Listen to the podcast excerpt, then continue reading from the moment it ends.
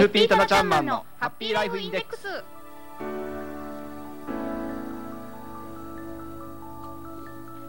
FP タナちゃんマンのハッピーライフインデックス。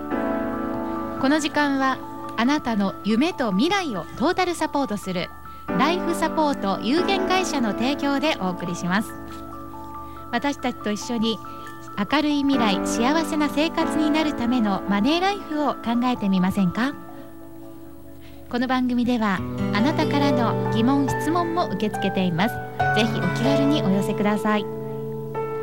宛先は hama.p-wave.ne.jp ハマアットマーク p-wave.ne.jp です。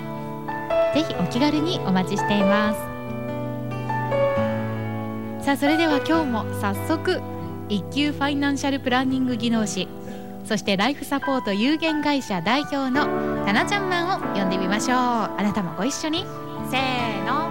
タナちゃんマはいこんにちは。棚橋です。ン今日もよろしくお願いします、はいこちらこそお願いいたします。さあタナちゃんははい。今日は秋分の日なんですけどもね。そうですね。はい。たくさんの方が、はい今日ねあの12時台、はい。船に乗っていかれまして。はねいい日ですからね今日はねすごく爽やかな秋らしい日で。いですよね。はさあそしてもう一個あの私気になった記念日というのがあって、は不動産の日なんですよね。ね。はい。今日9月23日は毎年不動産の日として、えー不動産業界のですね、えー団体であります。私も所属しておるんですけれども、えー、宅地建物取引業協会。えー、それとはい四日市にはですね、もう一つ団体がありまして四日市不動産事業協同組合という団体があります、へええーそちらのあのイベントをね行われております。あそうなんですか、は不動産の日ということでそれに関するお話を今日は、はいはい、していただきたいなと思います、はい、ありがとうございます。えー先ほどもね言いました私が所属しております宅建業協会あるいはその四日市不動産事業協同組合はですね毎年この9月23日にえー不動産の日これはもう協会で決まってるんですけれども合わせまして、えー四日市はですね毎年よ、えー、日永にあります日永歌謡ショッピングセンターでですね、はい不動産フェアというイベントを行っております。今日も行われているんですよね、そうですね。はい、今日も私午前中行ってまいりまして、今日この放送終わりましたらね、またはい日高歌謡の方に戻って、あえそんなイベントのお手伝いを間を抜けてはい、あります。はい、はい。はいで、えーどういうイベントをやっているのかと言いますと、えー不動産のいろんな物件の掲示、えー展示をやっております。あとそのですね、えー気になる物件ございましたら、あーその物件のですね、えーコピーをおこあのお渡しさせていただくということもやっておりますし、えー不動産に関わる税金だとか、あーそういうご相談も受けま承っておりますしこれからマイホームをね買おうかなって言われる方はね、えー詳しいさんにご協力いただきまして住宅ローンの相談会なんかも行っております。そうですか、はい。じゃあ本当に具体的に、はい。今日はお話をねあの相談もできてそうですね。して結構こう迷っているところがクリアになってはい。進んでいきそうな感じですよね。そうですね。ですのであのなかなかねこう不動産屋さんには入りにくいなって思っていらっしゃる方そうなんもですよねこういう機会ね、えーご活用いただければ気軽にご相談いただけるのかなと思いますね。うんうんはい。やっぱり入りやすいですそうういうイベントだと。そうですよねうん。はで具体的にねまだそこまで決まってないけども、はい話をちょこっと聞きたいなという人も、ね。結構若い方とか、ええ。あと主婦の方も多いような気がするんですけども。よね。はい。ですのでまずマイホームを買いたいなと思いながらも、何から始めていいのかなかなかこそう分かりにくいところがあると思うんですけれども。はい。でこれから考えようかなって思われる方もね気軽にご相談に行きやすいと思いますのでねぜひはい。ご活用いただければなと思います。はい、はい。えっ、とひなが歌謡で、はい。時間は何時までやっはい、てるんですか、今日の夕方5時まで17時までやっております。はい、はい。じゃあこの後ハッピーライフインデックス終わってすぐとんぼ帰りで。そうですね。はい。その後ですね他にもですね、ええ。あのーやはりそのマイホームのねお話、えーじっくりお話をしたい方やはり時間がかかりますのでね、あのお子様連れの方にもですねあの相談しやすいようにということでお子様向けのイベント塗り絵コーナーだとかお絵かきコーナー、あと風船もね無料で配布しておりますのでね。はい、お子様連れでもあのどうぞごご気軽にお気軽にお越しいただければなと思います。そうなんですね、なんかこう不動産フェアとかってあると、はい。ちょっと硬い感じのイベントなのかなと思ってましたけども、そうですよね不動産っていうとねそういうイメージがあると思いますけれども、本当に気軽な感じねお越しいただければと思いますので。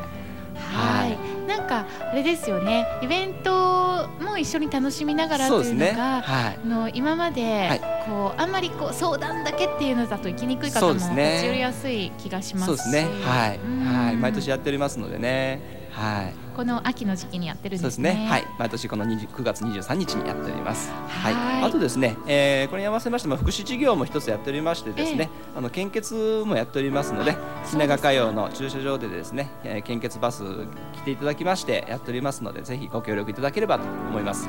はい、はい、一人一人のね思いが誰かを救うわけですからね。そうですね。はい。はい、私も午前中献血やってまいりました。したはい、ちなみにななちゃんは何型なんですか？あ、A 型です。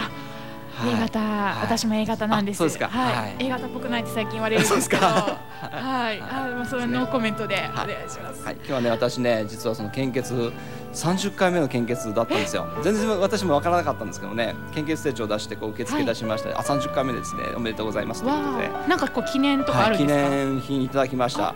はい。まだちょっと開けてないんですけども、こう杯のような形のね、あの飾れるようなものいただきましたけれどもね。そうなんです。はい、なんかよりこうあの血を増血しそうなあのなんかあの栄養ドリンクとかではないんですね。ないですね。はい。もう一回また献血してくださいねみたいなんじゃないんですね。はい。ええ三十回。はい、わあじゃあかなりの血液がそうですね。誰かの体にねこう役立ってるんですね。はい、役立っていただければねいいんですけどね。